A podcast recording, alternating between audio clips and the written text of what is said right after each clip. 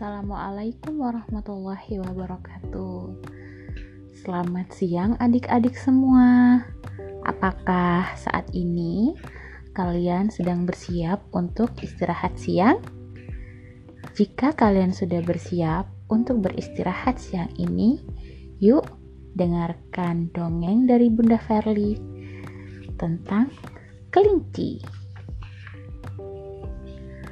Kali ini Bunda akan membacakan si kelinci kecil bernama Shiril. Kawat gigi Shiril. Shiril baru pulang dari dokter gigi. Dokter gigi memasang kawat pada giginya.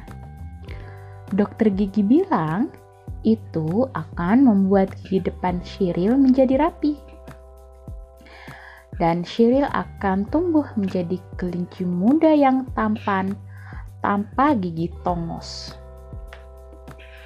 Shiril merasa malu dengan kawat giginya. Ia tidak mau bicara. Ia juga tidak mau tersenyum. Ia tidak mau ada orang yang melihat kawat giginya.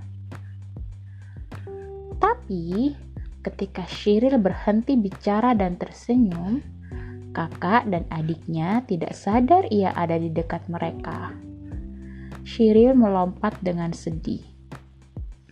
Aku terpaksa main sendirian, pikirnya. Ia sampai ke bagian hutan yang terbuka. Di sisi hutan itu ada kelinci lain Kelinci itu sedang memetik daun semanggi dan bersenandung. Kelihatannya itu seperti Nancy, kata Shiril pada dirinya sendiri. Aku akan membuatnya terkejut. Nancy mendengar suara lompatan pelan di belakangnya. Ia berbalik. Wajahnya menjadi cerah ketika melihat Shiril. Ia kemudian tersenyum lebar. Shiril balas tersenyum kepada Nancy. Ia tidak keberatan tersenyum sekarang karena Nancy juga ternyata memakai kawat gigi. Jadi adik-adik semua, tidak ada yang salah dengan penampilanmu. Allah telah menciptakan bentuk tubuh kita dengan sebaik-baik bentuk.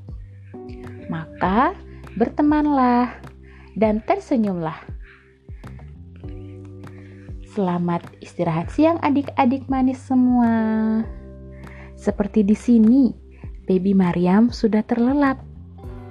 Sampai jumpa lagi ya. Dadah.